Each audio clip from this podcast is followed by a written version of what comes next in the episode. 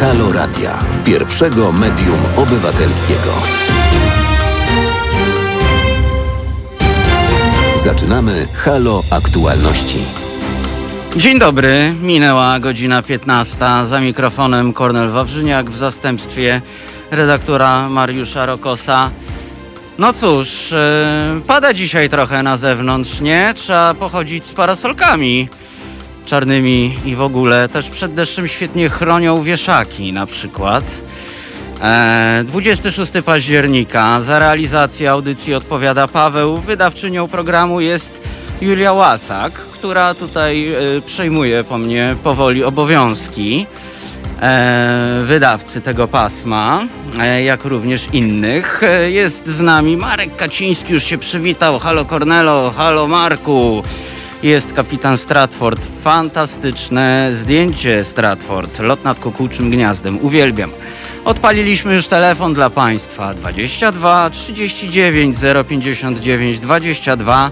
E, mail do nas, czyli teraz małpa halo.radio. E, to do komunikacji romantycznej, epistolarnej. Można listy pisać, dłuższe, krótsze. E, no i co? Standardowo jesteśmy gdzie? Na YouTubie, na Facebooku, w serwisie Mixcloud. I co tam robimy? Tam można do nas pisać z przełamaniem czwartej ściany, czyli można do nas pisać bezpośrednio, od razu i tak się komunikujemy. Tak jest bardzo fajnie, wymieniamy myśli. Wymieniamy myśli, dużo się zdarzyło w weekend, więc niby poniedziałek, ale będzie trochę weekendowo. Będzie trochę weekendowo, bo dużo się działo, było dużo protestów. I ogólnie, jak tak dalej pójdzie, to kraj stanie w ogniu. Dlatego zapraszamy Państwa serdecznie na Halo Aktualności. To są Halo Aktualności. Dziś mamy 10 241 zakażeń. Podobno jedziemy w ścianę na pełnym gazie. Czy winne są za to na przykład, no nie wiem, otwarcie szkół we wrześniu? A może wkurwienie obywatelek i obywateli decydują decyzją pseudotrybunału konstytucyjnego?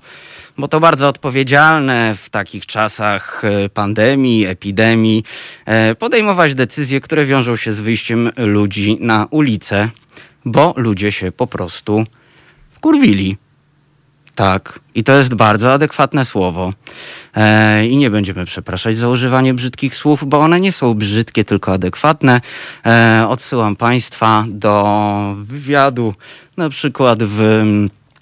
Był taki wywiad z y, doktorem, doktorem, z doktorem Rusinkiem. On jest y, w Wysokich Obcasach opublikowany. Tam się pan doktor wypowiada w temacie właśnie przekleństw adekwatnych do sytuacji.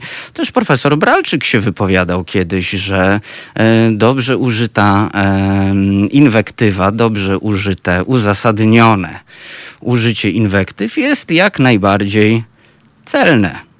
A chyba wszyscy się zgadzamy, że można się od czwartku wkurwiać.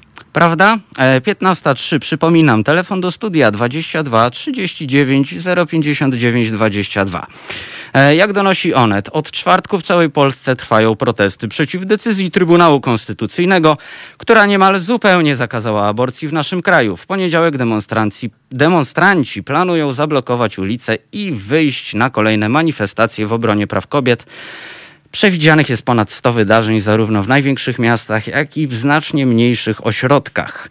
E, dlatego też spróbujemy dzisiaj e, połączyć się z ekipą ogólnopolskiego strajku kobiet, który jest cały czas w akcji. E, jest cały czas w akcji tak naprawdę od czwartku.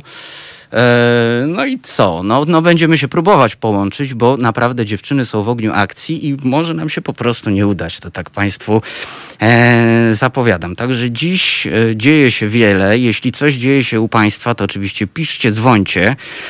Pogadamy sobie trochę o tym. I będziemy, będziemy też tak trochę wspólnie relacjonować, co się dzieje. No, szanowni Państwo, umówmy się, może jak mnie ta maseczka denerwuje, dzisiaj tak mnie spada, gumki mnie się tutaj naciągnęły i się tak poprawiam ciągle i poprawiam. Przepraszam Państwa, tak na, na chwilę. No co, no co, no co, no co można powiedzieć? No, no mnie aż przytyka. Mnie po prostu przytyka. To jest wojna. To naprawdę jest wojna i to na całego.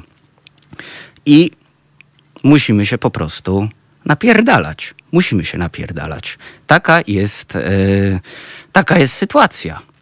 Taka jest sytuacja. To prawda, nie trzeba wychodzić na, ulicie, na ulicę w goście Solidarności. Niektórzy nie mogą sobie na to pozwolić. Pamiętajmy, że mamy epidemię, mamy pandemię, e, ale też ci, którzy wyjść mogą i czują taką potrzebę, niech wychodzą. Jakoś damy radę. E, wywieźcie w oknach baner E, można fantastyczne banery na przykład znaleźć na fejsie ogólnopolskiego strajku kobiet. Dla tych, którzy nie fejsują, e, można to spokojnie znaleźć po prostu w necie, czyli googlujemy, wpisujemy plakaty ogólnopolski strajk kobiet. Druknijcie coś. To nieważne, że to jest dziesiąte piętro czasem e, albo dom, nie wiem, w środku pola może.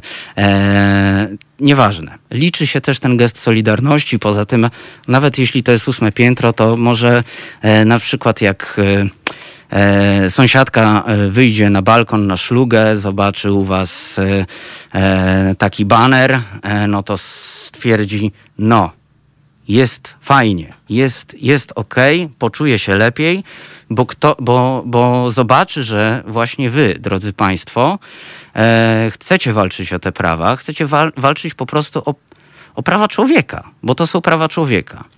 E, to nie chodzi o prawo do aborcji, tylko prawo do wyboru.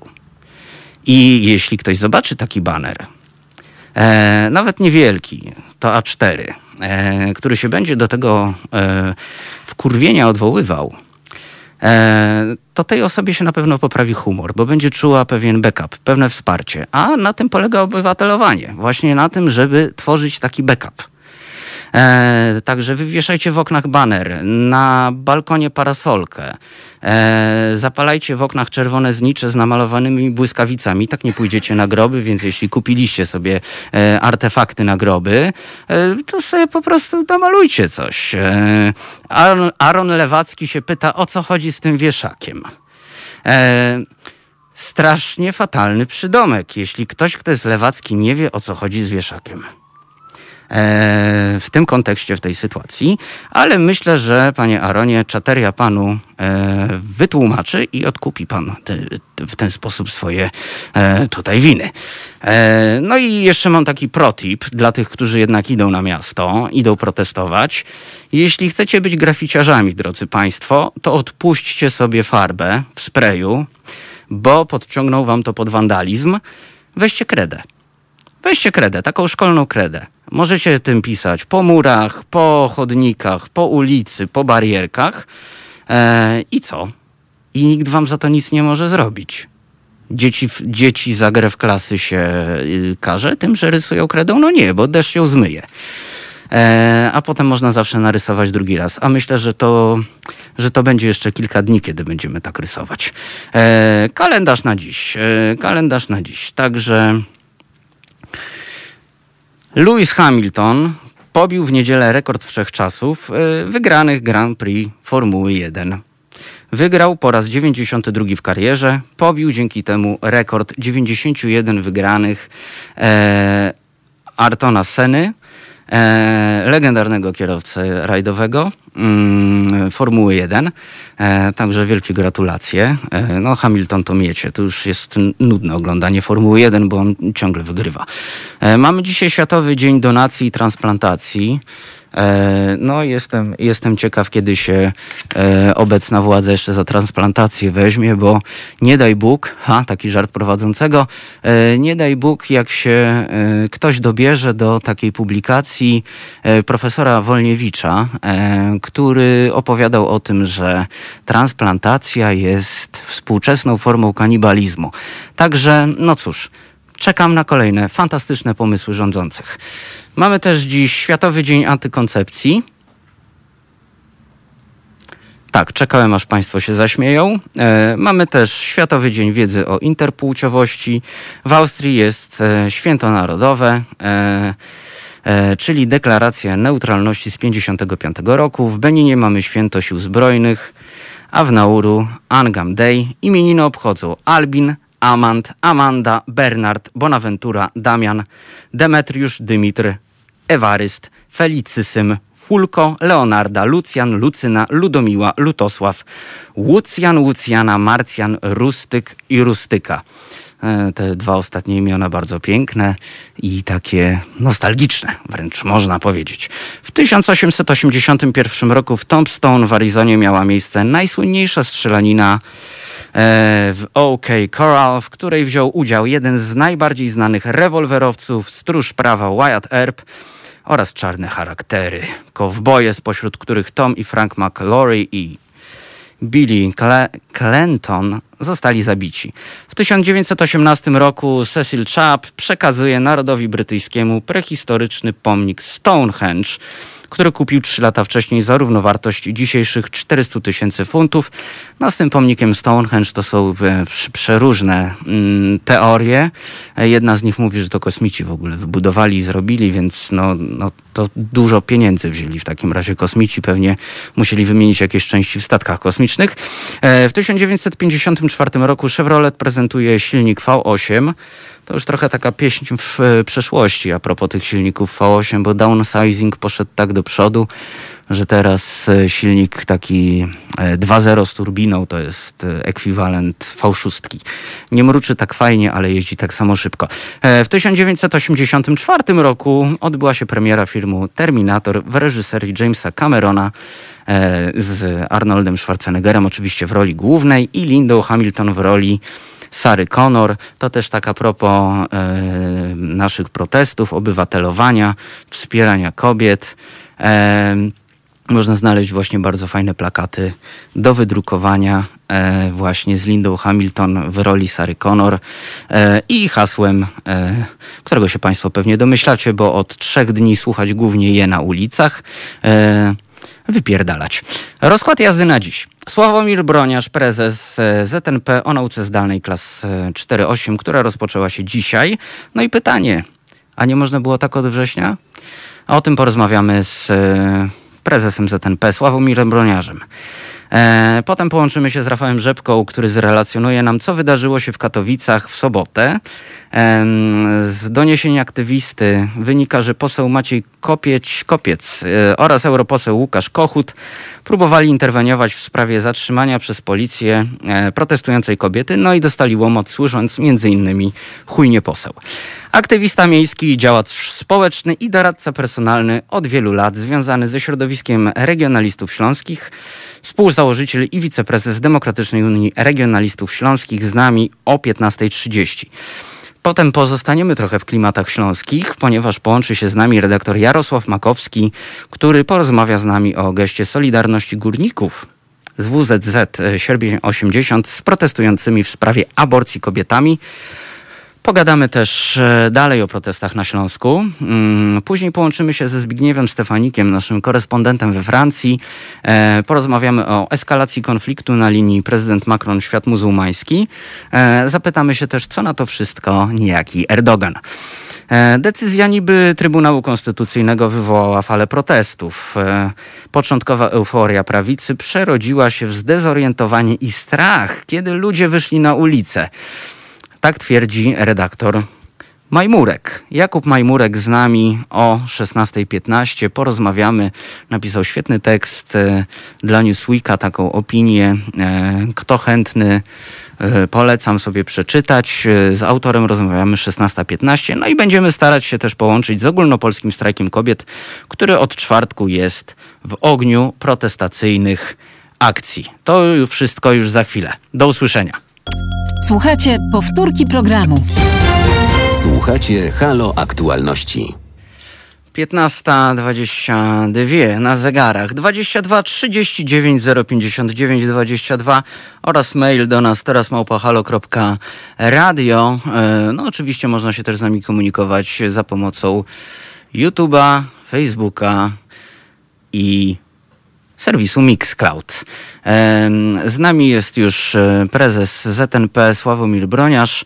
E, będziemy rozmawiali o tym, że od poniedziałku, czyli dzisiaj w całym kraju ogranicza się funkcjonowanie szkół podstawowych dla dzieci i młodzieży w zakresie klas 4-8, szkół podstawowych dla dorosłych, szkół ponadpodstawowych, placówek kształcenia ustawicznego i centrów kształcenia zawodowego. Uczniowie i słuchacze przechodzą na naukę zdalną. E, dzień dobry, panie prezesie. E, dzień dobry panu, dzień dobry wszystkim słuchaczom. Ja myślę, że jedno pytanie na usta ciśnie się e, od razu w całej tej sytuacji. E, no bo panie prezesie, rozmawialiśmy, rozmawialiśmy o tym już w sierpniu, o nauczaniu zdalnym, o nauczaniu hybrydowym, że to nie zostaje wprowadzone, że to nie, nie jest przygotowywane. Teraz mamy wzrost zachorowań. Niektórzy epidemiolodzy oczywiście e, e, mówią, że mógł mieć na to bardzo duży wpływ właśnie fakt, że otwarto szkoły. No więc pierwsze pytanie, które ciśnie się na usta jest takie, a nie można tak było od września? No, pewnie można byłoby, tylko tradycyjnie politycy są e, najmądrzejsi. Politycy nie potrzebują doradców, a tym bardziej doradców, których oni postrzegają jako e, oponentów. Politycy wszystko wiedzą najlepiej i dlatego mamy to, co mamy. Wydawało nam się, że, że można tak było zrobić od września, przygotowując wszystkie procedury, ale nie tylko procedury, no bo niestety bez sprzętu się tego nie da e, zrobić już w okresie e, tej, nazwijmy to, pierwszej pandemii. I można wtedy było przećwiczyć, mimo że to była edukacja zdalna, e, wszystkie elementy, wszystkie ogniwa procesu zdalnej edukacji. No niestety, mimo że Związek wielokrotnie prosił o to, abyśmy poświęcili na to czas, poświęcili trochę wysiłku, trochę pieniędzy, to trochę należy wziąć w cudzysłów, bo tutaj tych pieniędzy rzeczywiście potrzebne były setki milionów, no ale stało się tak, jak się stało. Myśmy nawet sugerowali rozwiązanie mm, następujące, aby od 1 września, o tym, dokładnie od 2 września, o tym, czy szkoła rozpoczyna rok szkolny w wersji tradycyjnej, czy też przechodzi od razu na edukację zdalną, mógł decydować dyrektor szkoły bez potrzeby uciekania się do opinii sanepidu. Powtarzam, nie chcieliśmy przedłużać wakacji, tylko chcieliśmy, żeby dyrektor szkoły razem z samorządem, w swoim otoczeniu, w swoim środowisku powiedział, jesteśmy bezpieczni, nas y, są znikome y, przykłady zachorowań, ten odsetek jest minimalny, więc możemy rozpocząć szkołę z dziećmi w ławkach, a ktoś inny mógłby powiedzieć, u nas niestety jest duży odsetek zachorowań, więc 2 września jako moment startu robimy online i przez najbliższe 2 czy 3 tygodnie robimy edukację zdalną, E, w tym czasie monitorując sytuację zdrowotną wśród uczniów, rodziców w danej gminie, w danym terenie, nie wiem, powiecie czy, czy otoczeniu, po to, żeby podjąć maksymalnie e, dobrą, korzystną decyzję. No, wybrano inne rozwiązania, dzisiaj zbieramy tego efekty. No niestety zbieramy tego efekty. E, I właśnie taką decyzją narażono też Was, nauczycieli. A więc jak jest z, z zachorowaniami wśród nauczycieli w ostatnich tygodniach? Czy Pan Prezes się orientuje? Tak, myśmy jako związek w pierwszych tygodniach, wtedy kiedy jeszcze tych szkół pracujących w systemie zdalnym czy hybrydowym było 40, 50, e, podejmowaliśmy takie e, no, wyzwanie, ażeby zebrać informacje o liczbie nauczycieli, którzy są na koronawirusie, czy są chorzy, tych, którzy są na kwarantannie, dlatego że mieli kontakt z chorymi, tych, którzy są na zwolnieniu lekarskim, bo po prostu w obawie o zdrowie i życie przeszli na zwolnienie lekarskie, mając ku temu uzasadnione powody zbieraliśmy informacje o tych, którzy przeszli na wcześniejsze emerytury, bądź rozwiązali stosunek pracy, bądź przeszli na świadczenie kompensacyjne. Tych możliwości było e, dużo, no, e, ale w momencie, kiedy okazało się, że liczba szkół z 40 urosła 25-krotnie, a liczba nauczycieli nagle skoczyła do kilkudziesięciu tysięcy, że tak powiem, przestaliśmy już to zbierać, bo przychodziła lawina informacji, które potrafiły się zmieniać w ciągu dwóch godzin. Dzisiaj możemy powiedzieć tak, że liczba nauczycieli, którzy z różnych powodów dzisiaj nie są aktywnymi zawodowo, bo są chorzy, bo poszli na zwolnienie lekarskie, bądź odeszli na świadczenie kompensacyjne lub, lub no, są na kwarantannie, przekracza ponad 50 tysięcy osób. To jest bardzo dużo.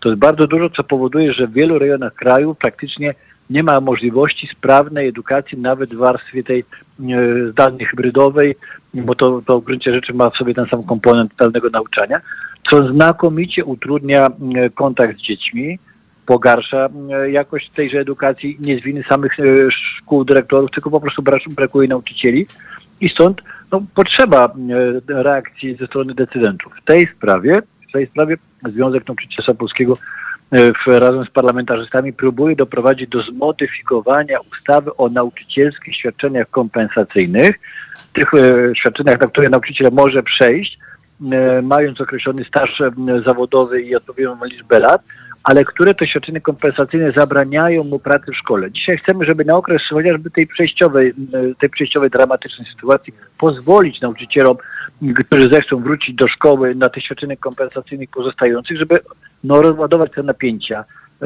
w szkole, m, ale no, no, zobaczymy, jak posłowie w tej materii się odniosą do, do tych wniosków. E, Panie prezesie, e, słysząc o tym, jaka jest ilość zakażeń wśród e, nauczycieli, no jest ona zastraszająca. E, trzeba zadać takie pytanie, bo wszyscy mówią, ile wytrzyma służba zdrowia, ile wytrzyma służba zdrowia. No wiadomo, że już długo nie pociągnie, e, o ile w ogóle jeszcze daje sobie jakoś radę, e, bo to też jest wątpliwe, ale ile wytrzyma system edukacji przy takim bałaganie? No, To jest bardzo y, i dobre, i bardzo poważne, i bardzo odpowiedzialne pytanie i, i jeszcze trudniejsza jest odpowiedź na to pytanie, dlatego że tutaj mamy do czynienia z szeregiem czynników. Po pierwsze, no, nau- nauczyciele nie chcą tej zdalnej edukacji, to nie ulega wątpliwości, wolimy pracować z dzieckiem w szkole. To jest jakby fakt bezsprzeczny. Natomiast brakuje dzieciom kontaktu między sobą, bo, bo ten kontakt jest niezbędny. Yy, I, I tutaj nikt tego nie kwestionuje, szczególnie w grupie edukacji wczesnoszkolnej, ale także nauczyciele narzekają, że brak takiego bezpośredniego kontaktu z uczniem, możliwość porozmawiania z nim, możliwość wysłuchania jego rad, zwrócenia się z kilkoma problemami do, do dzieci jest także pewnym elementem dominującym w naszym środowisku. Kiedy to się skończy? Kiedy wrócimy do normalności i czy wrócimy do normalności? To jest pytanie, które zadają sobie dzisiaj wszyscy nauczyciele. Jeżeli będzie tak, że liczba zachorowań, zachorowań wśród e, na, nauczycieli w naszym środowisku e, będzie rosła, no to pewnie nie pozostanie nic innego, jak być może zrealizować scenariusz polegający na tym, że ustanowimy dwu czy trzytygodniowe takie jesienne ferie, które pozwolą być może przy bardzo dużym e, skoszarowaniu, takiej żelaznej dyscyplinie pobytowej, jeżeli chodzi o dzieci e, w warunkach domowych, spróbować to opanować.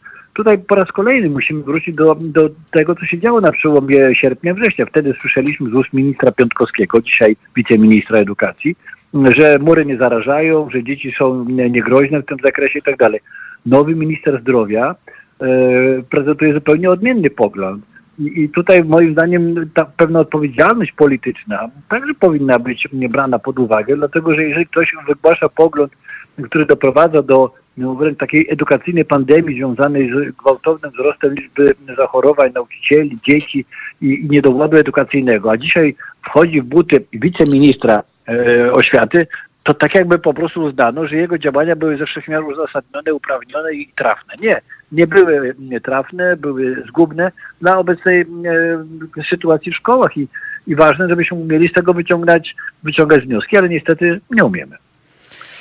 E, Panie prezesie, tak na koniec naszej e, rozmowy, e, no tak proszę mi wybaczyć, ale tak trochę kontrowersyjnie zapytam. Do protestów kobiet w całej Polsce przyłączyli się kibice, rolnicy się przyłączają, a dzisiaj swoją solidarność ogłosili również górnicy. Czy może przyszedł czas też na nauczycieli, żeby włączyć się do tej walki, żeby iść ręka w Proszę rękę? pan, a jakby pan prześledził Facebooka i ta, tą dyskusję, którą prowadzimy wspólnie z nauczycielami, to nie pozostawia do cienia wątpliwości, że no, na, nauczyciele są także z protestującymi, aczkolwiek my mamy dosyć, nie ukrywam, trudną sytuację z powodu formalnego.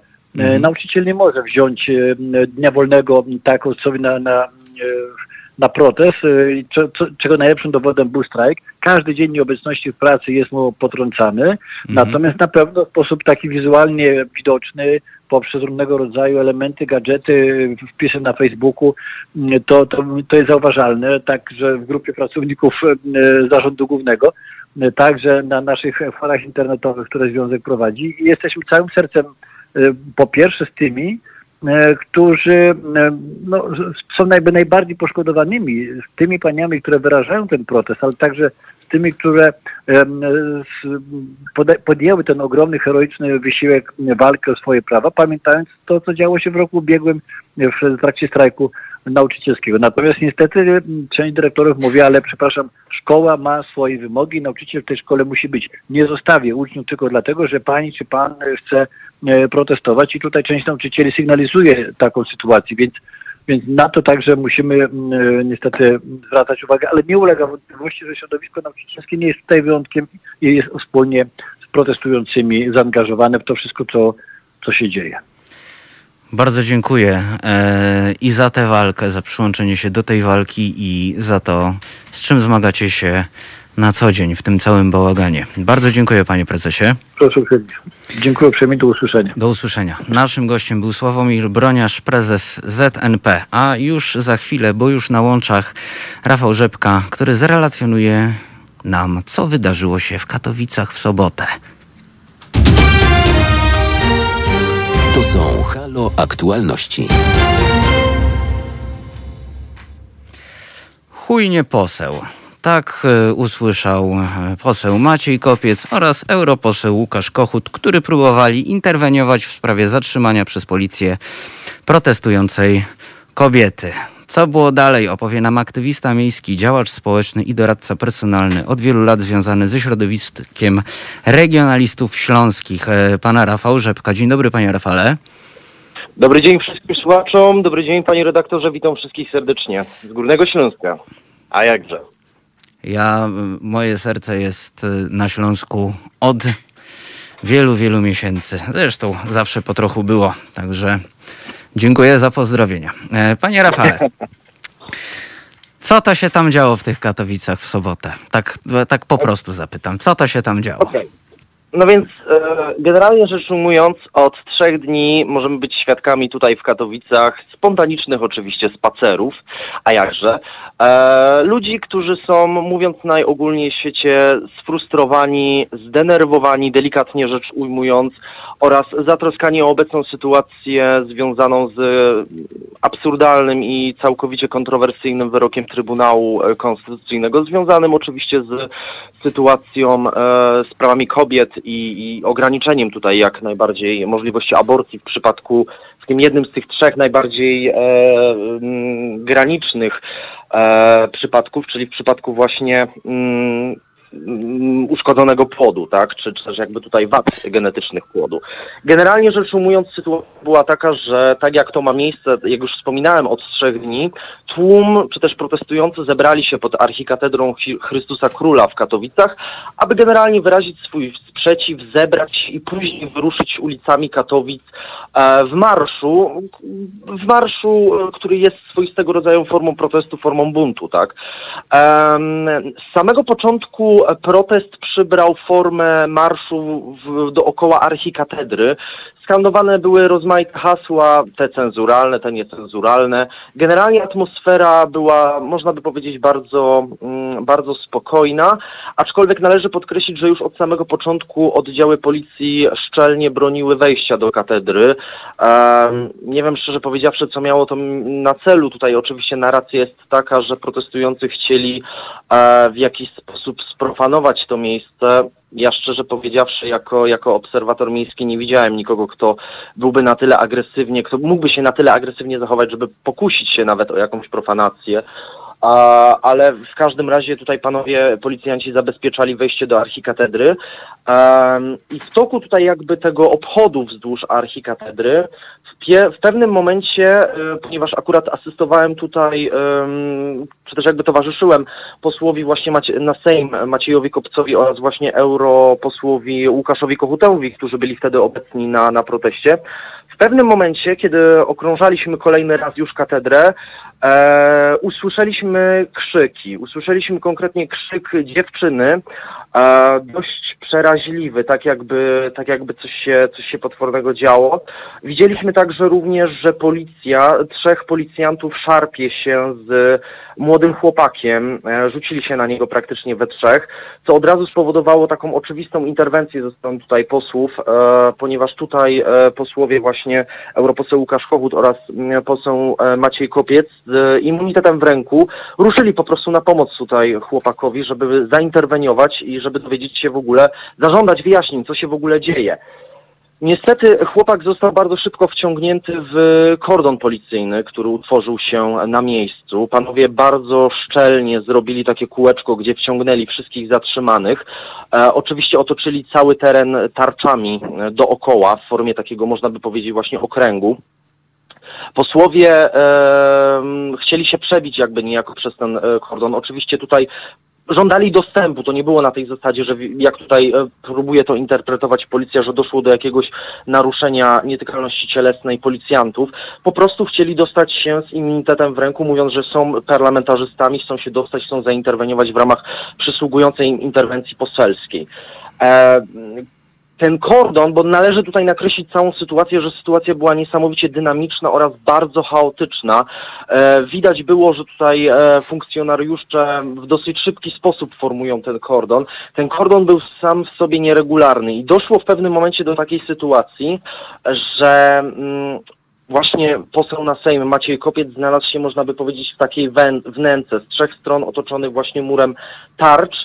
E, I w pewnym momencie funkcjonariusze z tarczami po prostu ruszyli, chcieli jakby rozszerzyć ten kordon, ruszyli na manifestantów bez praktycznie żadnego powodu, bo tam nie doszło, tak jak mówię, do żadnych przepychanek czy do jakiejś agresji ze strony protestujących.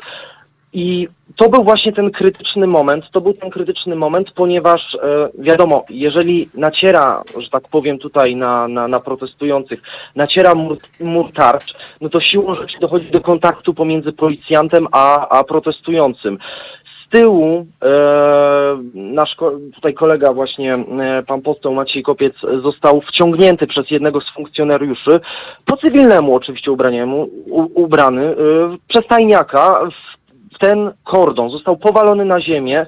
Oczywiście cały czas e, osoby, które znajdowały się w pobliżu em, pana, pana posła e, Kopca, mówiły, krzyczały, że to jest europarlamentarzy, że to jest parlamentarzysta, że chroni go immunitet poselski, że obok znajdują się też inni e, parlamentarzyści. Obok, zaraz obok znalazła się właśnie posłanka Monika Rossa.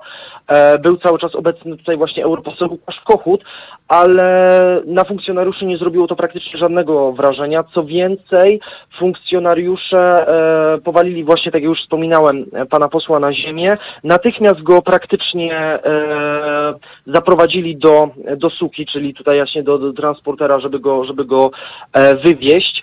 E, co gorsza, ten kordon zabezpieczający jakby to całe zbiegowisko, w sensie tutaj jakby tych, tych, tych, tych, tych mm, zatrzymanych, on jeszcze dodatkowo się rozszerzył. Doszło do absolutnie kuriozalnej sytuacji, ponieważ chcąc dowiedzieć się, dlaczego został zatrzymany poseł Maciej Kopiec, tutaj była interwencja właśnie ze strony em, Łukasza Kochuta oraz Moniki Rosy, chcąc się dowiedzieć, w pewnym momencie otoczyli nas uzbrojeni w tarcze oraz w pałki, a także w gaz policjanci z oddziałów prewencji, robiąc swoistego rodzaju jakby drugi kordon. W pewnym momencie ten kordon zaczął się jeszcze bardziej poszerzać. E, praktycznie bez żadnych ustaleń, bez żadnego e, powodu policjanci zaczęli napierać na nas e, między innymi tarczami. E, zaatakowani, zaatakowany został właśnie poseł, e, europoseł Łukasz Kochut. Ja sam też oberwałem tarczą. Obok mnie stał e, chociażby na przykład e, operator kamery Stefan 24.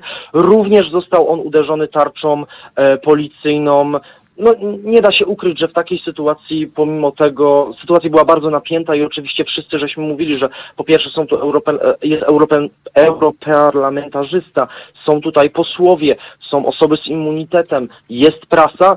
Natomiast e, powiem panu szczerze, panie redaktorze, miałem wrażenie, że policja działa troszeczkę w amoku i kompletnie nie dociera do nich to, co się dzieje dookoła, jaka jest sytuacja i jakie jest napięcie wytworzone, e, wytworzone w, mm, w tym całym zamieszaniu.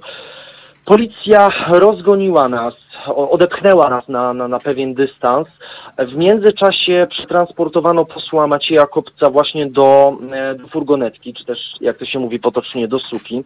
E, Na miejscu od razu interweniowała e, senatorka, mm, senatorka e, Gabriela Morawska-Stanecka, która e, posługując się również swoją legitymacją senatorską, immunitetem, zażądała po prostu wyjaśnienia od funkcjonariuszy, e, którzy znajdowali się w tej furgonetce, dlaczego i jeśli już, to gdzie poseł Maciej Kopiec zostanie przetransportowany. Z relacji bezpośrednich mamy na to dowody, mamy naszych świadków, e, że e, padły bardzo niecenzuralne słowa w stosunku do e, posła Macieja Kopca, który siedząc w furgonetce próbował się wylegitymować i wyjaśnić, że jest posłem na Sejm i jest on parlamentarzystą, a więc przysługuje mu jakby immunitet i jego interwencja no po prostu jest umotywowana prawem. Są na to, są na to konkretne paragrafy. E, Pan poseł został zwyzywany, tutaj padły takie słowa jak na przykład no, chuj nie poseł, na pewno pan, pan, pan słyszał, pan słyszał e, o tym z relacji w e, mediach. Mamy na to dowody, mamy na to świadków, że, że, że, takie, że takie sformułowanie padło. Co więcej, funkcjonariusze w ogóle nie zareagowali również na wezwanie tutaj e, senatorki Gabrieli Morawskiej, e, Staneckiej Morawskiej, e, żeby po prostu podać powód, powód interwencji. Odjechali praktycznie bez słowa wyjaśnienia. Em, panował dosyć swoistego rodzaju chaos informacyjny, ponieważ nikt z funkcjonariuszy będących na miejscu nie chciał nam podać miejsca, gdzie znajduje się e, poseł Maciej em, Kopiec. Jak się okazało, e, pan poseł został zawieziony bezpośrednio na komendę główną, ale nie został wypuszczony przed komendą główną, tylko na parkingu policyjnym, z dala od świadków, z dala od osób postronnych. Według relacji tutaj posła Macieja Kopca miał na odchodne usłyszeć wypierdalaj, jesteś wolny. Także na szczęście później, ponieważ ten e, obchód dookoła katedry później, w miarę upływu czasu, zamienił się w marsz po całych Katowicach, em, można by to tak powiedzieć, nasz kolega dołączył po prostu później do, do, do samego marszu. Oczywiście mm, zapowiadając tutaj, że będą składane e, pisma oraz interwencje, zapytania e, w sprawie tej interwencji przekroczenia uprawnień ze strony funkcjonariuszy policji.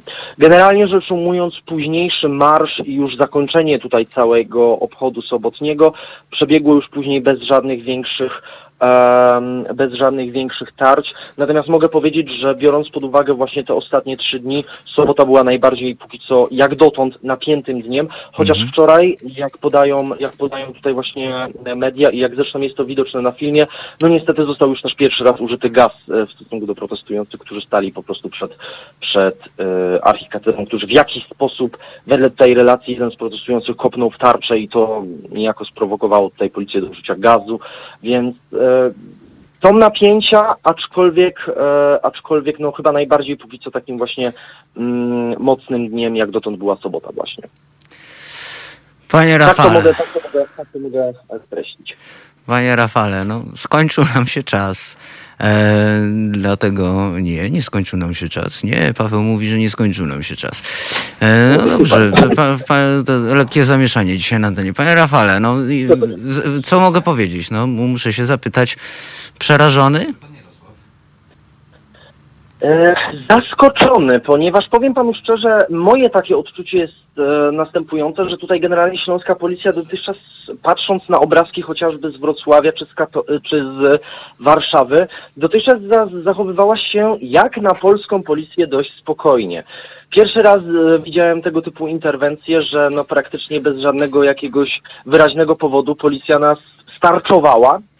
Eee, ale czy przestraszony? Nie, bo wie, wie pan, panie redaktorze, patrząc po energii tłumu i zgromadzonych chociażby wczoraj, wczoraj było pięć razy więcej osób niż, niż, niż w sobotę, mm, ja jestem dobrej myśli, to znaczy ja widzę, że ewidentnie, to jest takie moje wrażenie, ale widzę, że przede wszystkim ten ogrom młodzieży, który jest świadomy swoich praw, świadomy tego, co się wyprawia, w jak całkowicie absurdalny sposób zmieniane na kolanie jest prawo, że te protesty się nie skończą. Nie wiem tylko, w którą stronę oczywiście to przybierze rozmiar, bo tak jak mówię, te protesty są w dużej mierze spontaniczne, ale myślę, że tutaj, jeżeli, jeżeli w jakiś sposób też zaczną protestować inne grupy społeczne, myślę, że PiS ma się czego obawiać. Takie jest moje zdanie. No to budujący wniosek na koniec rozmowy w takim razie, panie Rafale. Bardzo panu dziękuję za te relacje. Pewnie będziemy się jeszcze odzywać, bo tak jak pan mówi, będzie się działo. Na pewno będzie się działo. Również dziękuję za zaproszenie i dziękuję również za rozmowę. Wszystkiego dobrego życzę. Do usłyszenia. E, Naszym Do gościem usłyszenia. Rafał Rzepka, aktywista miejski, działacz społeczny i doradca personalny od wielu lat związany ze środowiskiem regionalistów śląskich. To są Halo Aktualności. Nie zwalniamy, tempo dzisiaj mamy jak ten Lewis Hamilton po prostu. E, z nami już e, redaktor Jarosław Makowski, który porozmawia z nami o geście Solidarności Górników z WZZ Sierpień 80 z protestującymi w sprawie aborcji kobietami, kobietami, ale pogadamy też o protestach na Śląsku i no ogólnie pogadamy o, o Śląsku, no bo to blis, bliskie memu sercu miejsce jest po prostu i myślę, że panu też, panie redaktorze. Dzień dobry panie redaktorze, dzień dobry państwu. Absolutnie bliskie i absolutnie ważne. Panie redaktorze, bo myśmy rozmawiali w lato mm, e, właśnie jak e, była ta cała sytuacja z e, płacami dla górników, z zamykaniem kopalń. Myśmy wtedy rozmawiali o czymś takim, weszliśmy w taki dyskurs, że to taka, że to zawsze taka gra że to jest zawsze taka gra. Ale tutaj, teraz, WZZ, sierpień 80, mówi, e, bardzo pięknie zresztą, e, w swojej e, tutaj takiej e, PR-owskiej, e, na, na swojej stronie, tak PR-owo ogłasza, e, że solidaryzuje się z kobietami w sprawie zakazu aborcji i bardzo pięknie to napisali. Państwo, które stawia się w roli superarbitra ludzkich sumień, zmierza w kierunku państwa totalitarnego.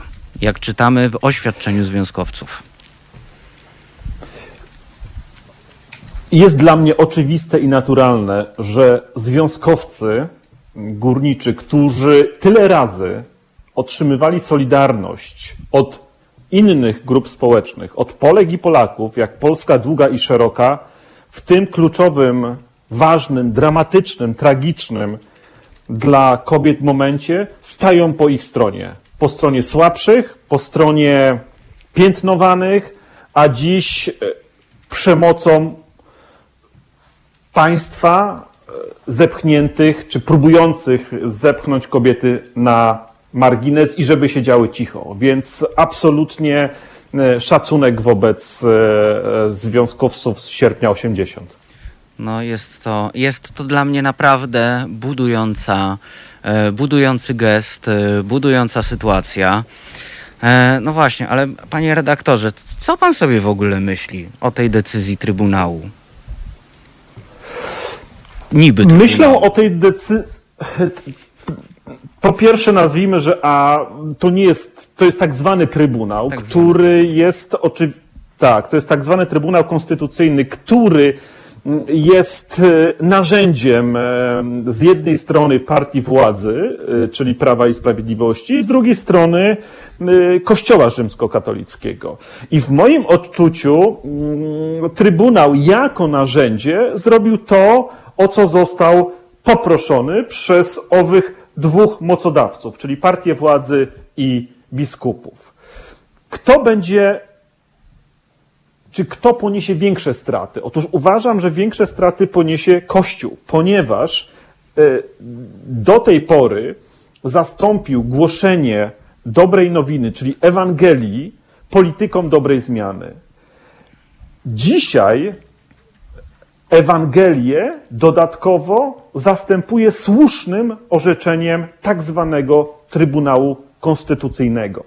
Jeżeli biskupi, jeżeli Kościół zamiast głosić swoje przesłanie, odwołuje się do prawa, nagiego prawa i państwa przemocy, żeby wcielać w życie swoje wartości i przesłanie, to w moim odczuciu jest to absolutna klęska Kościoła, a nie jego sukces. I dzisiaj obserwujemy ów upadek Kościoła w Polsce.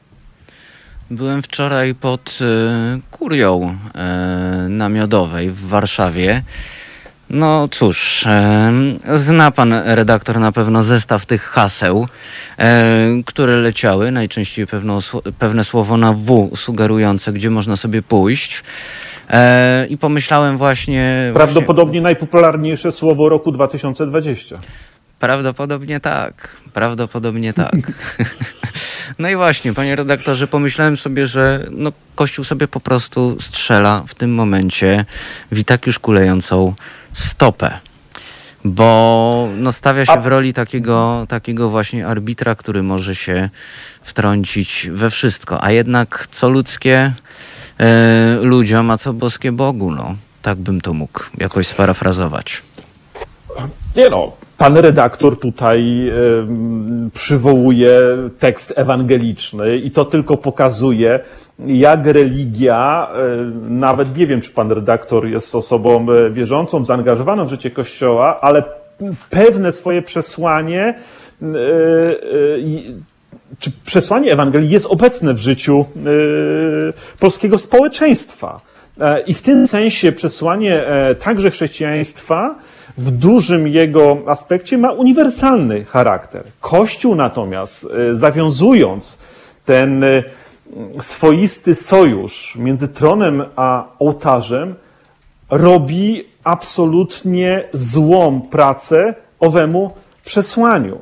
Powiem więcej, Kościół nie jest tu żadnym, żadnym arbitrem, jest po prostu najzwyczajniej w świecie stroną e, tego sporu.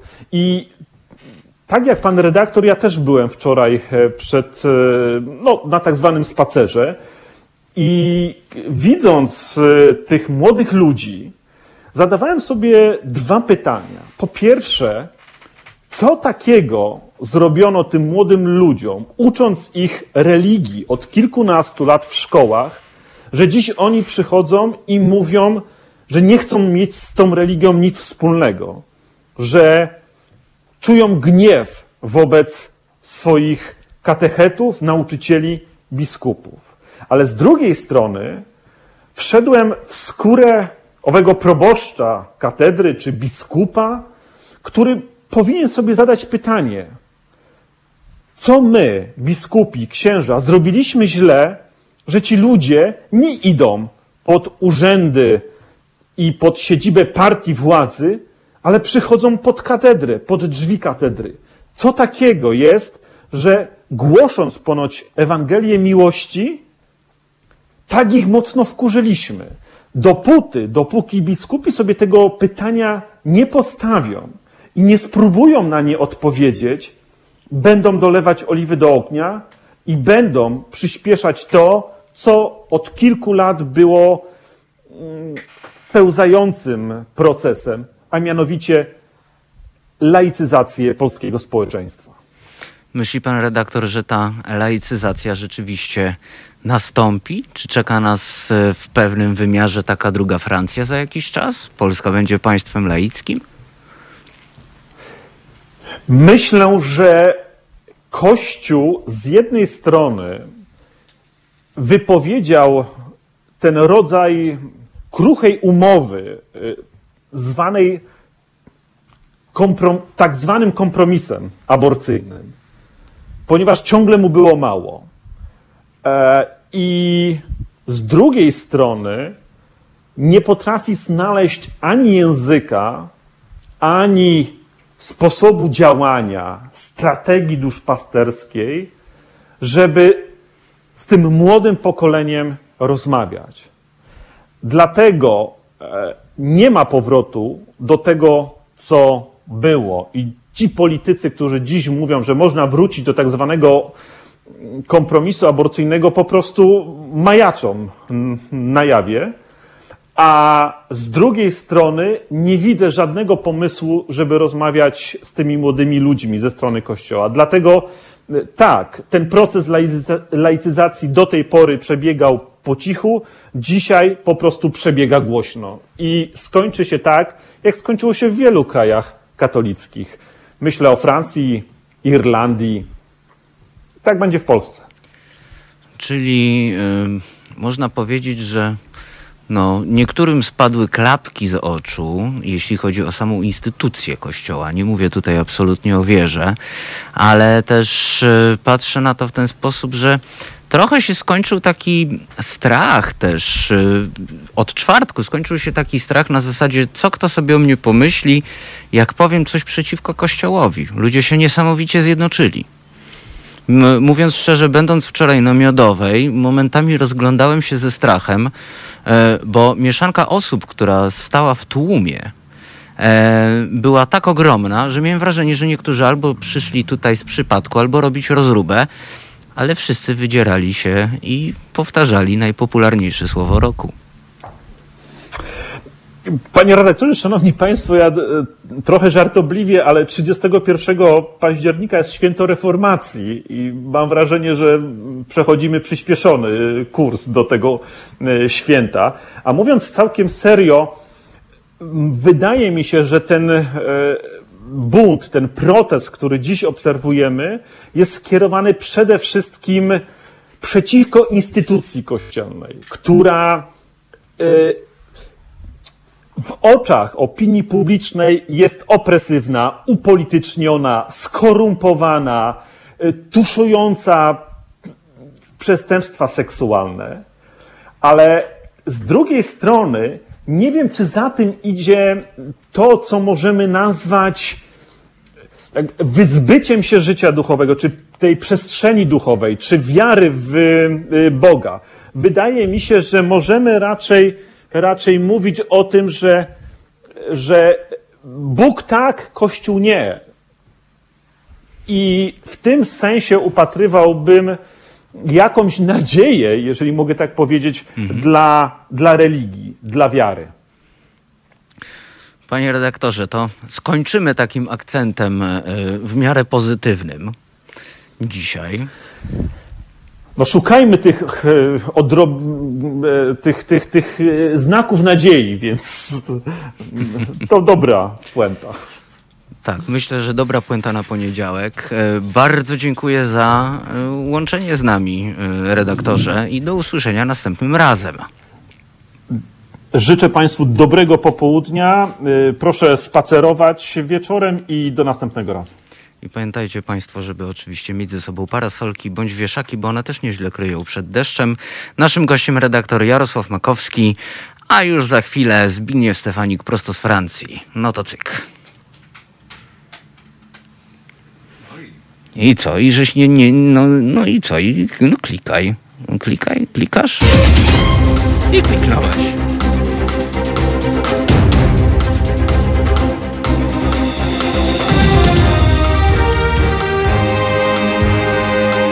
Minęła 16. Słuchacie Halo Radia, pierwszego medium obywatelskiego. Są Halo Aktualności. No cóż, wypada podsumować chyba trochę pierwszą godzinę, a, a, trochę, a trochę zapowiedzieć drugą. E, no to mamy tak. Burdel w kraju niesamowity. No po prostu akcje są grube od czwartku. Wszyscy spacerują, e, ciągle jest deszczowo, dlatego trzeba nosić ze sobą parasolkę i trzeba ze sobą nosić e, wieszaki. Wieszaki też są bardzo dobre na deszcz. Dzisiaj mieliśmy 10 241 zakażeń. E, Różnie to, różnie to o tym koronawirusie się cały czas rozmawia. Dzisiaj czytałem taki artykuł w Onecie, e, który mówi o tym, że no jednak koronawirus na plecaku, ubraniach, wózkach sklepowych, dezynfekcja to podstawa. Cały czas trzeba dezynfekować ręce. Yy, no, no bo na wszystkich powierzchniach plastikowych podobno jest tak, że wirus potrafi zostać parę dni. To taka trochę przypominajka tak właściwie, bo już o tym y, mówiliśmy. Takie pytanie do Państwa, jak często e, podczas e, pierwszego lockdownu, no bo to ja przyjmuję dzisiaj zakłady, kiedy będzie drugi, czy za dwa tygodnie się okaże, że jednak robimy lockdown, czy nie. Czekam na Państwa odpowiedzi. Można pisać na teraz małpahalo.radio albo na czatach YouTube. E, taką funkcję posiada. Może być też e, e, O Facebooku mówiłem? Nie, mówiłem o YouTubie, więc był, jest YouTube, jest Facebook, trochę się zakręciłem. Może być też e, Mixcloud, na którym można podsłuchiwać muzyki, co jest absolutnie bez sensu w, pa w paśmie aktualności, żeby nas słuchać wtedy na Mixcloudzie, bo my nie puszczamy muzyki podczas aktualności, ale to Państwo wiecie. E, telefon też jest e, oczywiście czynny do Państwa dyspozycji. Ja jestem oczywiście do Państwa dyspozycji. E, I to nie jest e, żadne e, przedmiotowe traktowanie mnie. Nie, nie, bo to chodzi o rozmowę, o dialog, a to podmiotowe jest. 22 39 059 22. Także dezynfekcja rąk jak najbardziej nie zaszkodzi. No i co? No to jest wojna. Naprawdę, jest wojna. I nie bójcie się Państwo również przeklinać, bo naprawdę mamy, mamy szansę, e, mamy szansę. Nie mamy szansy. My po prostu mamy prawo być źli. Wszyscy mamy prawo być źli, którzy dbamy o ważną rzecz, najważniejszą w sumie, jaką są prawa człowieka. I nie ma co się śmiać, bo tak, ręce precz od macic. Bo tak sobie myślę, tu patrzę Pawłowi w oczy teraz i tak sobie myślę, że prawdziwy mężczyzna to nie tylko dba o matkę, o swoją partnerkę, no, po prostu dba o kobiety, ale nie dba o kobiety w jakimś takim maczystowskim, nie wiem, e, e, patriarchalnym sensie. Po prostu musi być partnerem. Co ty o tym myślisz? Musi być partnerem po prostu i iść ręka w rękę z kobietami. Kornel, przestań mnie podrywać, ponieważ to są... To są Halo Aktualności.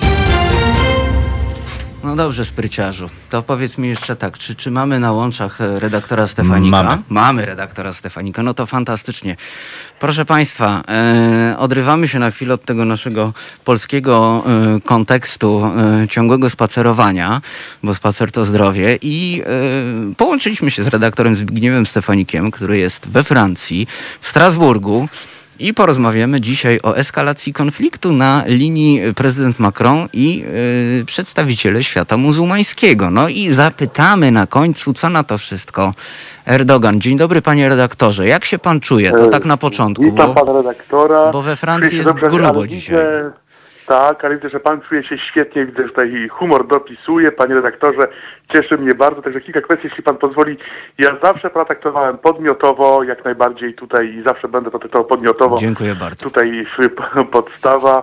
No jeśli chodzi o to, jak powinien zachowywać się prawdziwy facet, to w tą debatę nie wchodzę, bo tu- tutaj chyba każdy ma swoją definicję, jak również tego, czym jest prawdziwy facet, ale cieszy mnie bardzo, że pan jest w świetnym humorze, naprawdę. Ale chciałbym tylko jedną uwagę, jeśli pan pozwoli. Przepraszam, tak się pan nie rozpędzał z tym wypowiadaniem wojny, bo przed panem to wojnę wypowiedział Emmanuel Macron właśnie e, covidowi, no i wyszło mu tak średnio w tej wojnie, wie pan, także ja nie wiem, no, jak pan uważa, ale no może z tą wojną to może tak delikatniej po prostu, bo Może to jest no nie kwestia jeszcze strategii, bo pan redaktor dobrze wie, również jako e, specjalista od chociażby wojny secesyjnej, że no, no, są różne rodzaje wojny. Może być wojna podjazdowa, może być trochę bardziej otwarta, e, może być też e, koń trojański. Na przykład No, jakiś. Faktycznie, faktycznie, tylko że prezydentowi Francji ta wojna z COVID-em, no właściwie no nie idzie najlepiej. No dzisiaj 52 tysiące zakażeń, właściwie kolejny rekord nad Sekwaną. E, obecnie we Francji jest właściwie najwięcej zakażeń e, w skali e, dziennej w całej Europie, a eksperci wskazują na to, iż właściwie e, ta skala może nawet sięgać 100 tysięcy dziennie, tak więc no, sytuacja jest bardzo, bardzo ciężka i faktycznie e, dobrze pan e, wspomniał o lockdownie, że właściwie pytaniem nie jest czy, ale raczej kiedy i w jakim kształcie, ponieważ ten drugi lockdown może właściwie wyglądać troszkę inaczej e, niż ten pierwszy. E, No ale to rozumiem na, e, na inny, inny czas ta rozmowa. Natomiast rozumiem, że mamy rozmawiać o tym, co dzieje się na linii, no powiedzmy w pewnym skrótem myślowym świat muzułmański, a Paryż. Otóż trwa eskalacja, która właściwie no, rozpoczęła się mm, dwa dni temu, kiedy to prezydent Turcji e, Recep Tayyip Erdoğan stwierdził, e, iż Emmanuel Macron e, powinien się przebadać, ponieważ w jego opinii ma pewne problemy, niekoniecznie natury fizycznej, co wywołało nad Sekwaną duże oburzenie. Otóż mm, te relacje francusko-tureckie są ciężkie, jak wiemy, właściwie od ponad dwóch lat. Doszło do ich zaognienia w momencie, kiedy mm, Turcja politycznie, następnie militarnie poparła em, działania e, tak zwanego rządu jedności narodowej w Libii. E, Kolejna eskalacja na linii Ankara-Paryż nastąpiła już w sierpniu tego roku, e, kiedy to Francja em, wspierając em, Grecję i Cypr w konflikcie e, z Turcją o surowce wysłała swoją marynarkę wojenną e, na Morze e, Śródziemne. Tak więc ta eskalacja e, trwa, jednakże faktycznie tym razem ta eskalacja przybiera troszkę inny aspekt, e, ponieważ e, w tą eskalację włączają się inne państwa muzułmańskie. Otóż pamiętamy, iż w momencie republikacji e, karykatur Mohameda przez tygodnik Charlie Hebdo, to jest 1 wrzesień tego roku, w świecie muzułmańskim rozpoczęły się duże demonstracje, na przykład w Pakistanie doszło do dużych manifestacji, no właśnie przeciwko tym karykaturom, które są postrzegane przez mm, wielu przedstawicieli wyznania muzułmańskiego, no właśnie jako obraza na tą religię. E, Konflikt e, polega na tym, iż e, e, Francja głosem swojego prezydenta twierdzi, e, iż nad Sekwaną jest dozwolone bluźnierstwo, a te karykatury e, są zwyczajnie wyrazem wolności słowa, e, z której to korzystają dziennikarze. Dziennikarze, rysownicy, którzy no właśnie tworzą te karykatury. Pamiętajmy, iż również te karykatury stały się mm, pretekstem e, do zamachu na e, Charlie Hebdo, który miał miejsce w 7 stycznia 2015 roku. E, Obecnie zresztą nadal trwa proces e, 14 osób oskarżonych o współudział w tym zamachu, jak również w zamachu na sklep koszerny, który miał miejsce mm, dwa dni później. E, A więc właściwie, aby wytłumaczyć słuchaczom, e, na czym polega obecny spór, e, trzeba sięgnąć, czy też cofnąć się em, 10 dni do tyłu, kiedy doszło do ataku, do morderstwa nauczyciela, nauczyciela historii, który został zamordowany przez 18-letniego em, chłopaka, który został właściwie zradykalizowany, e, no właśnie przez mowę nienawiści w sieci. Wszystko to wskazuje, iż faktycznie doszło do jego radykalizacji za pośrednictwem różnych portali uznanych za e, islamistyczno-dżihadystyczne, jak i również e, był on nakłaniany do zabójstwa przez islamistów działających w sieci. Po tym zabójstwie we Francji rozgorzała debata, jak i również żałoba, no właśnie w związku z tymi wydarzeniami, albowiem Francja, e, a głównie władze francuskie uznały, iż właściwie doszło e, do ataku e, na francuską szkołę, francuski em, system, model edukacyjny, jak i również na francuski model wolności słowa. Czyli takiej wolności słowa, gdzie faktycznie karykatury, e, które można uznać za bluźnierstwo, są dozwolone, przy czym Francja podkreślała, no zresztą podkreśla, nie zamierza zrezygnować z tej e, definicji. A więc ta sytuacja doprowadziła mm, do eskalacji konfliktu pomiędzy Francją a światem muzułmańskim. E, W sytuacji, gdzie przecież 2 października tego roku e, francuski prezydent przedstawił tak zwany plan e, walki przeciwko islamskiemu separatyzmowi. E, Ten plan e, jest e, planem wielowątkowym, tak więc sądzę, że nie mamy czasu, aby go omawiać szczegółowo, ale generalnie chodzi o daleko idącą reformę francuskiej szkoły, czyli na przykład języki obce, takie jak na przykład język arabski czy turecki, będą nauczane przez nauczycieli akredytowanych we Francji, czyli nie będzie jak dotychczas, że na podstawie umów dwustronnych, na przykład francusko-tureckiej, nauczyciele tureccy będą mogli nauczać francuskie dzieci, czy też w ogóle nad sekwaną języka tureckiego, czy też e, w ogóle nauczać e, religii muzułmańskiej, tylko e, wszystko, co dotyczy no właśnie języka, kultury, religii, mm, tą nauką mają zająć się wyłącznie nauczyciele francuscy, jak również imamowie uznani przez państwo francuskie. Tak więc system edukacji ma zostać absolutnie, w cudzysłowie oczywiście podkreślam, to jest cytat, oczyszczony z zagranicznego elementu, który może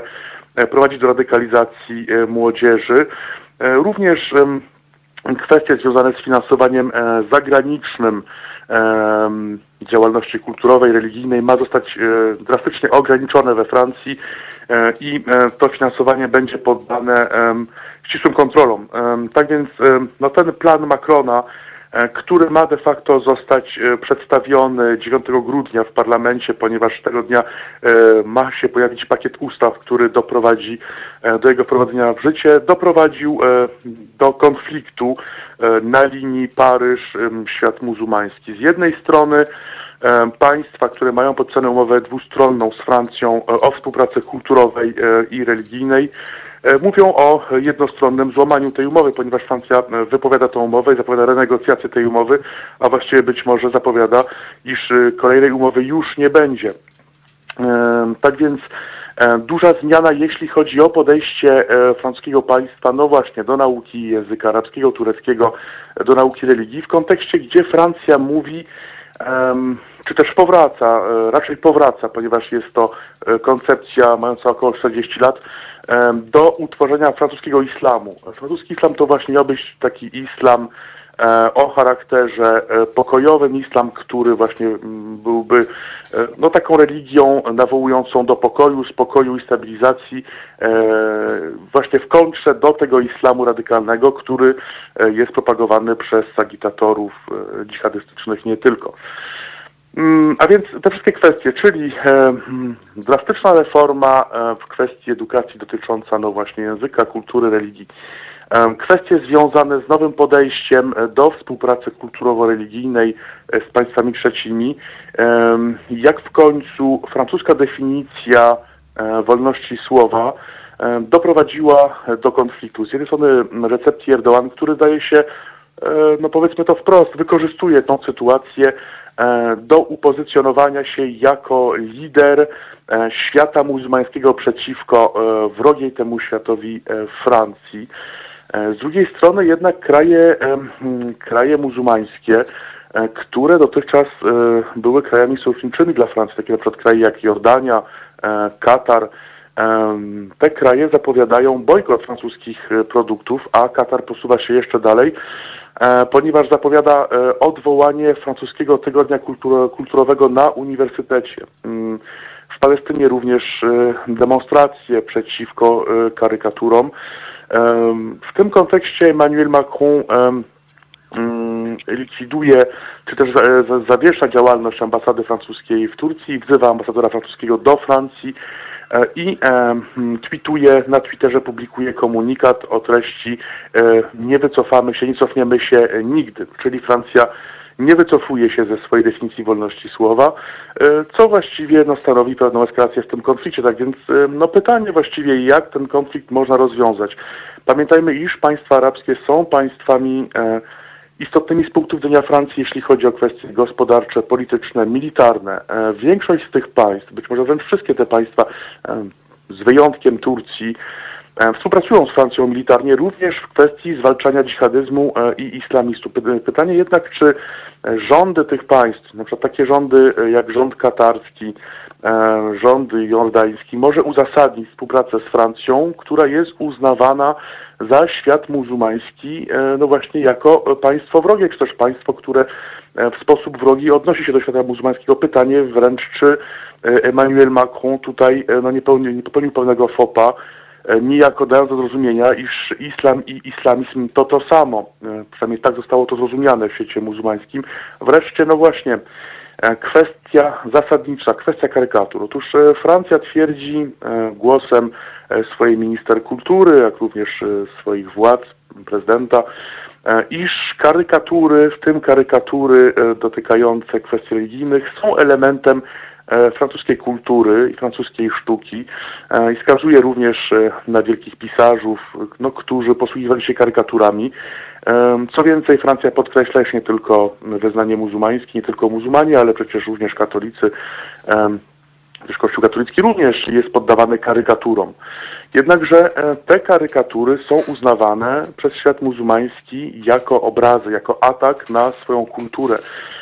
A więc jakie rozwiązanie? Z jednej strony z pewnością konieczność współpracy gospodarczej, politycznej, militarnej Francji z państwami muzułmańskimi e, i z pewnością e, również korzystna dla tych państw współpraca z Francją. Z drugiej strony zaś konflikt ideologiczny no właśnie zdaje się nie do przejścia, ponieważ prezydent Francji e, zapowiada, że nie wycofa się z, z tej definicji wolności słowa.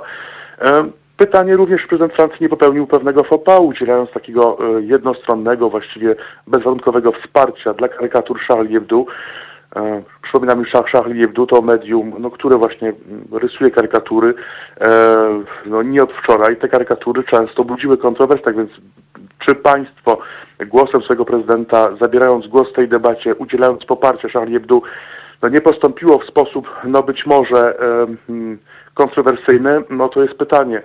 E, Ale jak przejść, no właśnie przez ten konflikt? Z jednej strony Francja mówi nie, my się nie wycofamy, e, karykatury są e, elementem naszej kultury, em, jest to element naszej wolności słowa, mamy prawo rysować karykatury, e, bluźnierstwo jest na przykład dozwolone, tak mówi francuskie ustawodawstwo. Z drugiej strony państwa muzułmańskie e, mówią nie, to jest nie do przyjęcia, te karykatury obrażają nas, obrażają nasze kulturę, obrażają naszą religię, obrażają nasze, nasze państwa. E, My tego wprost nie możemy, bojkotujemy e, francuskie produkty, bojkotujemy e, Francję. E, z trzeciej strony zaś, e, no właśnie, swojego rodzaju, e, użyję tego sformułowania, pan być może mi wybaczy, drapieżnik polityczny, czyli Recep Erdoğan, który przecież walczy o leadership w świecie muzułmańskim.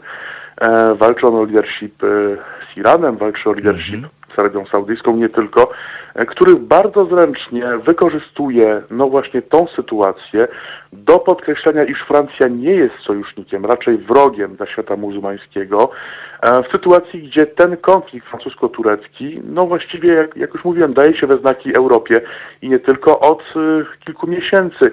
Unia Europejska udziela bezwarunkowego wsparcia Francji e, w tym konflikcie. E, W tej sprawie również już zabrał głos, y, zabrała głos dyplomacja Unii Europejskiej. E, Dyplomacja e, europejska opublikowała komunikat, w, której stwierdza, iż zachowanie Erdołana, jak również jego skandaliczne wypowiedzi są, cytuję, nie do przyjęcia. Jednakże Erdoğan e, nie rezygnuje z swojej wypowiedzi. Właściwie dzisiaj nazwał Emmanuela Macrona osobnikiem, który stoi na czele Francji.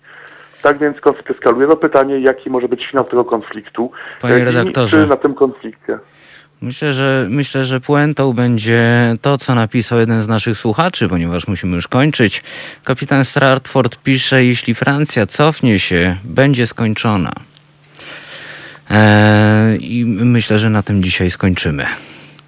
Ja się z tą puentą pozwolę się nie zgodzić, ale wkończmy. Jednak po prostu proszę zanotować, że nie zgadzam się z tą puentą. Dobrze, zostało odnotowane. Paweł odnotowuje.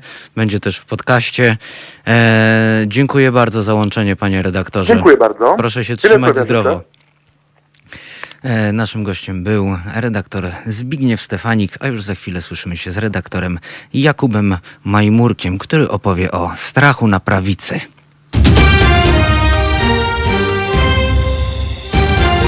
Słuchacie Halo Aktualności. Strach na prawicy widać wszędzie, a zdezorientowana władza może odpowiedzieć bardzo gwałtownie.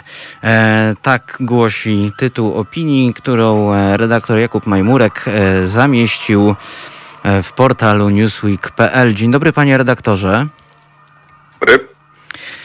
Panie redaktorze, no decyzja e, pseudo-Trybunału Konstytucyjnego wywołała falę protestów. No i tak jak jeszcze w czwartek widzieliśmy, chociażby w internecie hasła, że e, wygrało życie, że tak, aborcja e, została tutaj pokonana i tak dalej, no to już w piątek część, część posłów prawicowych e, pod tymi samymi postami pisała, że no nie do końca o to samo chodziło. Czyli boją się. Boją się. Czego się przestraszyli? Przestraszyli się przede wszystkim reakcji e, społecznej, która jest widoczna, reakcji społecznej, która ciągle nie opadła i być może cały czas jest jeszcze przed swoim apogeum. Reakcji, którą widać było, no może jeszcze niespecjalnie w czwartek, chociaż już wtedy mieliśmy pierwsze protesty pod domem Jarosława Kaczyńskiego, ale już z pewnością w piątek, a zwłaszcza w weekend. E, cała Polska ruszyła się w proteście. To nie tylko Polska wielkich miast, która jak można się spodziewać będzie przeciwko temu e, orzeczeniu, ale także Polska małych miasteczek. W weekend e, demonstracje odbyły się w takich miastach jak Chrzanów, jak Rzeszów, jak Siedlce, jak e, Łuków, e, jak e, Szczecinek, jak Lubaczów, więc w wielu miastach, gdzie raczej demonstracje nie są czymś, co jest stałą częścią pejzażu, w wielu miejscach, gdzie PiS wygrywał w tych wyborach w 2019 roku, a Andrzej Duda w 2020, no często bardzo zdecydowanie, no na przykład, nie wiem, w, wczoraj, w niedzielę była demonstracja w Bochni, która jest stolicą jednego z tych powiatów województwa małopolskiego, gdzie PiS i e, Andrzej Duda no, mieli bardzo wysoką przewagę nad e, konkurencją. E, i też jest to ten powiat, który należy przecież do e, diecezji tarnowskiej Kościoła Rzymskokatolickiego, tej diecezji, gdzie frekwencja na niedzielnych mszach świętych no, należy do rekordowej, najwyższej e, w całej, w całej Polsce, w całym polskim systemie kościelnym, więc e, rzeczywiście ruszyła się cała Polska i to nie tylko ta Polska, co do której można mieć e, przypuszczenie, że nie podoba się jej polityka PiS i nie będzie się jej podobało e, orzeczenie prawie całkowicie zakazujące aborcję, no ale także ta Polska, która do tej pory postrzegana była jako bastion PiSu, bastion konserwatyzmu, bastion Kościoła katolickiego. E, panie redaktorze, mnie na przykład e, też bardzo zaskoczyło właśnie o tym, oprócz, e, oprócz tego, co pan redaktor mówi, czyli mniejsze miasta, bastiony katolicyzmu, polskiego katolicyzmu oczywiście, zaskoczyło mnie na przykład bardzo, że dołączyli do protestów kibice Arki Gdynia, tak zwani kibole można powiedzieć. To tak, jest... no rzeczywiście zdarzył się taki przypadek w, w Gdyni, e, ci kibice sforsowali, e, próbow, czy tam próbowali sforsować próbowali. do biura posła PiS e, Marcina Chorały. Więc demonstrują bardzo równe grupy społeczne, których niekoniecznie spodziewalibyśmy się w tym układzie. No, na przykład te rolnicy popierają e, postulaty kobiet. Tutaj słyszeliśmy w niedzielę news o rolnikach z Nowego Dworu Mazowieckiego, którzy, którzy przyłączyli się do, do, do protestu, a dzisiaj o tym, e, że przyłączają się rolnicy z Garwolina i powiatu garwolińskiego. Znów e, jest to jeden z tych powiatów Mazowsza, e, gdzie PiS zanotował rekordowe wyniki poparcia. To prawda. Zdaje się, że udało się, udało się wreszcie władzy wkurzyć absolutnie wszystkich. E, czytaliśmy też dzisiaj, rozmawialiśmy zresztą o tym na antenie z redaktorem Makowskim, e, że również górnicy dołączają. E, naprawdę ta solidarność jest jakoś tak budująca w całej tej sytuacji. No, bez wątpienia jest to bowiem orzeczenie, które dotyka wszystkich, dotyka wszystkich kobiet w Polsce, dotyka ich e, partnerów, dotyka ich, e, ich braci, ich ojców, więc jest to jakiś taki protest, który bardzo łatwo może zmobilizować bardzo szerokie, szerokie grupy społeczne, a osoby, które popierałyby tego typu zaostrzenie e, prawodawstwa regulującego przerywanie ciąży w Polsce to jest zdecydowana mniejszość. Tam z różnych badań wychodzi, że osoby, które chciałyby tego typu prawnego ograniczenia, no to jest pomiędzy kilkanaście a dwadzieścia kilka, ale takie niskie dwadzieścia kilka e, procent polskiego społeczeństwa, więc gdyby tutaj rzeczywiście e, ten Trybunał, e, co do którego większość obywateli nie ma żadnego zaufania i że jest on Trybunałem niezależnym i ta decyzja jest przypisywana politycznie PiSowi, no ten Trybunał jak gdyby podjął decyzję, która idzie bardzo radykalnie wbrew nastrojom społecznym. No dobrze, to teraz jeszcze załóżmy tak. E, załóżmy, że e, ludzie nie odpuszczą, że obywatele, obywatelki nie odpuszczą, e, będą protestować cały czas. I co? Po pierwsze, pierwsze pytanie dla pana redaktora, czy, czy widzi pan to tak pozytywnie, że ludzie nie odpuszczą, że te protesty się, powiedzmy tak upraszczając, nie znudzą ludziom? No a po drugie, jeśli się nie znudzą, no to władza, według tego, co pan e, dzisiaj napisał, e, no, będzie trochę w potrzasku, trochę nie wie, co zrobić i może bardzo źle zareagować. Ale jak? No, no, no opcji, opcji jest wiele. No i na przykład, nie wiem, pojawiają się chociaż na prawicy głosy, o tym pisał na przykład Jacek Karnowski, redaktor naczelny tygodnika sieci, że jeżeli to dalej będzie trwało, to trzeba by rozważyć wprowadzenie stanu nadzwyczajnego i e, to jest jedna z takich opcji jakiegoś takiego bardzo twardego, siłowego rozwiązania tego problemu. Z drugiej strony może po prostu dochodzić do eskalacji takiej konfliktu w skali bardziej mikro, bez może ogłaszania skali stanu wyjątkowego, ale z coraz większą brutalnością policji, na którą władza nie będzie reagowała, a z drugiej strony coraz większą brutalnością e, grup, e, na przykład skrajnych nacjonalistów, które będą działały i stosowały przemoc wobec demonstrujących przy kolei, przy z kolei obojętności policji. No trochę tego próbkę dostaliśmy wczoraj w Warszawie na krakowskim Przedmieściu, gdzie Straż Marszu Niepodległości no jednak e, po prostu siłą usuwała protestujących z kościoła świętego, świętego Krzyża. W tym tam jedna kobieta została, zdaje się, później odwieziona przez, przez karetkę. Wszystko przy bierności, wszystko przy bierności policji. Słyszymy, że prawica ma powoływać właśnie jakieś straże ochrony kościołów. Słyszymy, że e, tutaj, prawda, pojawiały się głosy, że podobno kibice mają też jak gdyby się skrzykiwać, by pobić tych demonstrantów.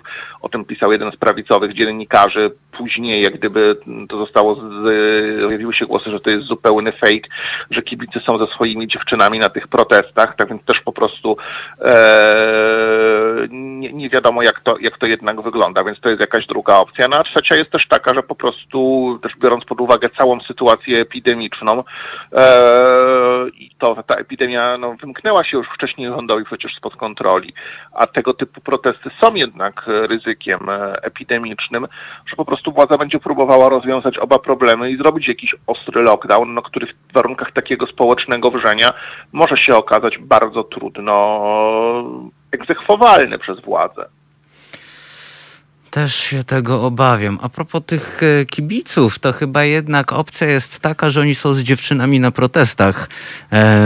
Miałem wczoraj przyjemność spacerować e, ulicami Warszawy i no rzeczywiście e, momentami tak czułem się dziwnie, bo no jakby przy osobach ubranych również w tęczowe flagi, krzyczące do władzy wypierdalać, no szło sporo osób, które no jakby wyglądały, że są nie na miejscu. Do tej pory, jak szedł na przykład Marsz y, Równości, to stały raczej po drugiej stronie barykady. Także zdaje mi się, że jednak, y, że jednak idzie to w tą stronę, że kibice będą z dziewczynami. No jakby też to jest rzeczywiście decyzja Trybunału, która no bardzo dzieli takie e, elektoraty nawet prawicowych partii, elektorat PiSu.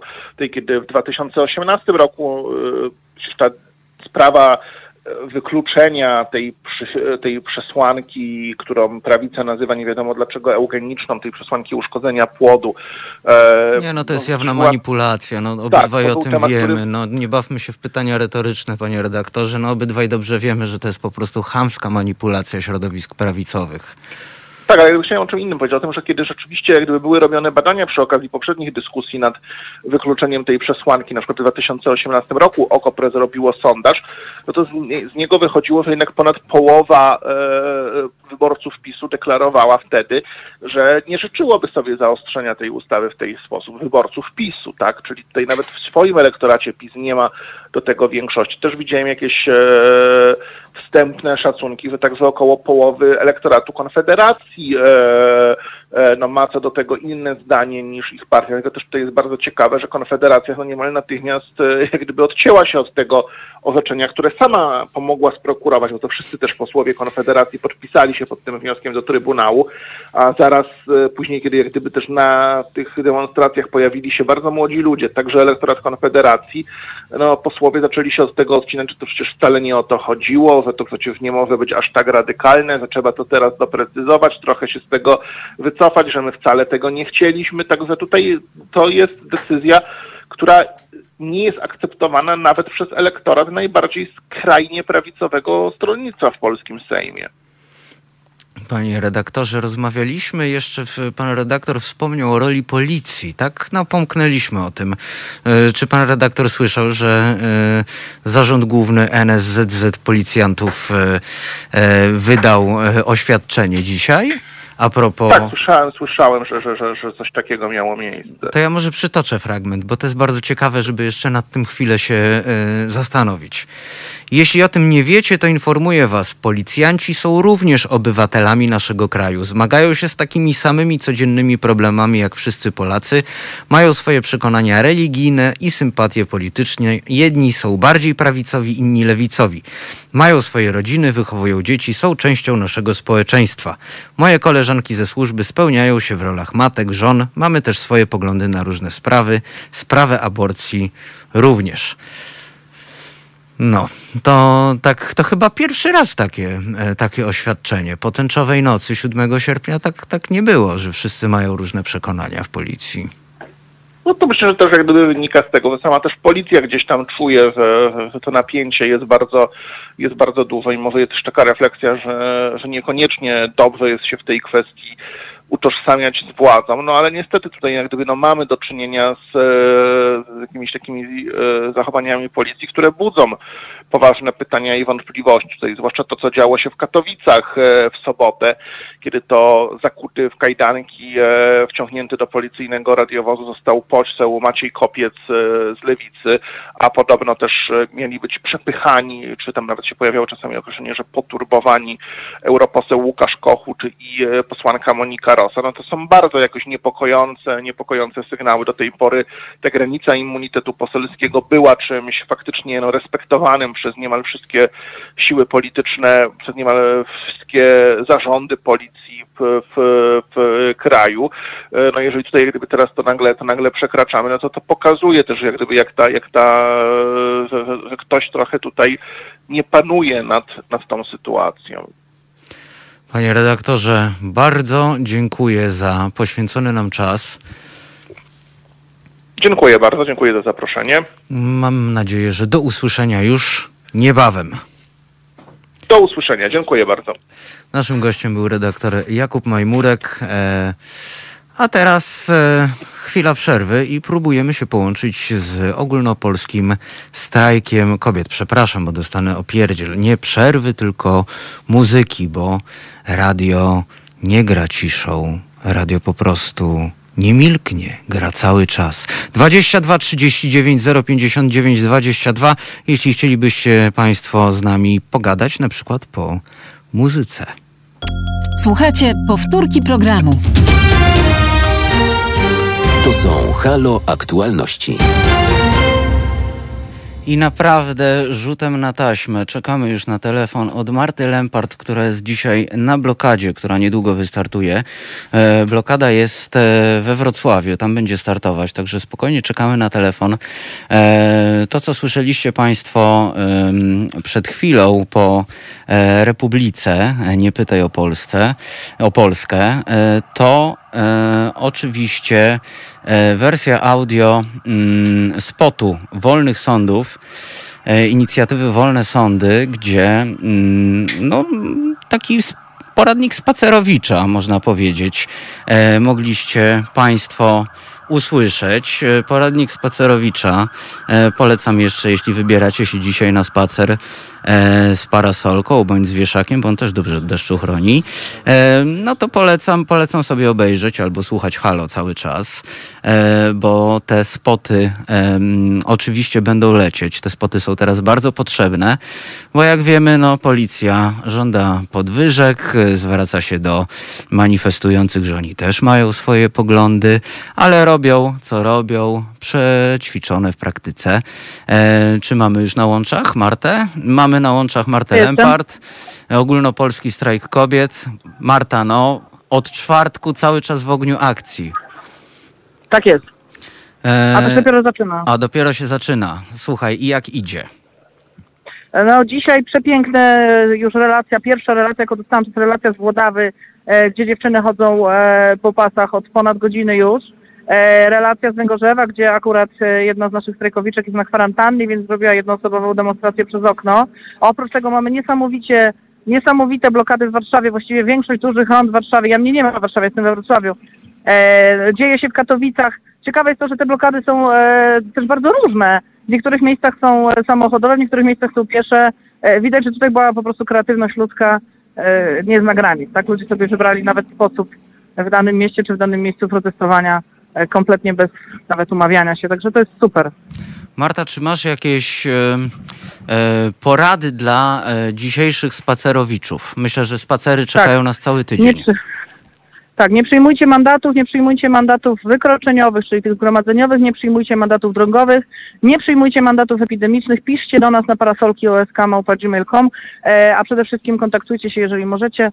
E, nie wiem, czy nie robimy teraz niedzieli przysługi, ale z niesamowitym kolektywem Szpila em, i anarchistycznym Czarnym Krzyżem, e, czyli to są ludzie, którzy świadczą taką pomoc i to tak naprawdę od lat e, i znają się na tej robocie.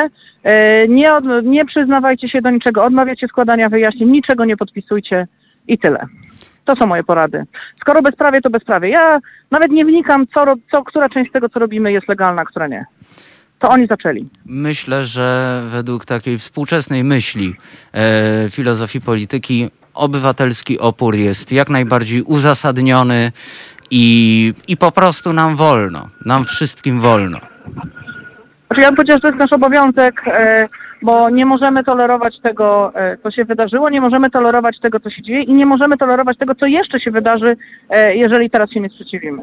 Myślisz, że myślisz, że mamy szansę? Że mamy szansę y, wygrać z tą decyzją? Że władza się cofnie?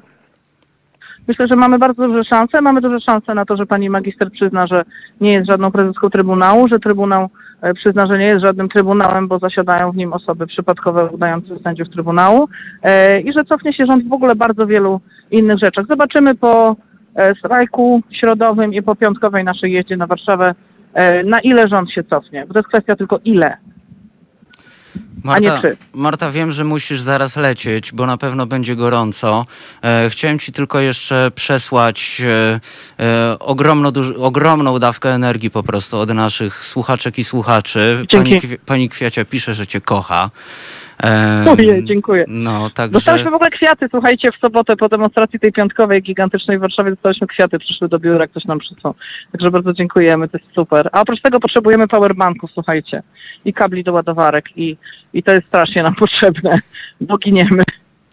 To a propos, przepraszam, tak To, to, to, ja, to ja też apeluję, bo wiem, że sporo osób dostaje powerbanki, jakieś takie reklamowe, które zalegają. Jeśli, jeśli macie ta, takie powerbanki, to drodzy Państwo, e, dostarczajcie je. E, Marta, tylko powiedz jeszcze gdzie? Gdzie można takie powerbanki No można je dostarczyć dać? na Wiejską 16 w Warszawie, e, do nas, do biura, do fundacji. Można je przysłać. Wiejska 16, lokal 40, e, 00490 Warszawa. E, jakby była narodowa zbiórka kabli, bo też potrzebujemy kabli do ładowarek, bo one też się szybko zużywają e, i powerbanków właśnie to by było super. Je- Jeżeli macie, rzeczywiście wam coś zalega, zresztą nie musicie nam przesyłać. Jeżeli widzicie osoby, zawsze widzicie osoby, które koordynują, organizują protesty, relacjonują, e, to możecie im, jeżeli macie taki zalegający powerbank w swojej miejscowości, macie takie osoby, znaczy jesteście u siebie i widzicie w swojej miejscowości te osoby właśnie, które się angażują w organizację, to im dajcie te powerbanki, bo to oni ich potrzebują. Przecież my nie musimy ich rozsyłać po Polsce. Marta, jeszcze ostatnie pytanie. Jaki plan na resztę tygodnia? E, W środę nie idziemy do roboty, nie idziemy na uczelnię, nie idziemy do szkoły.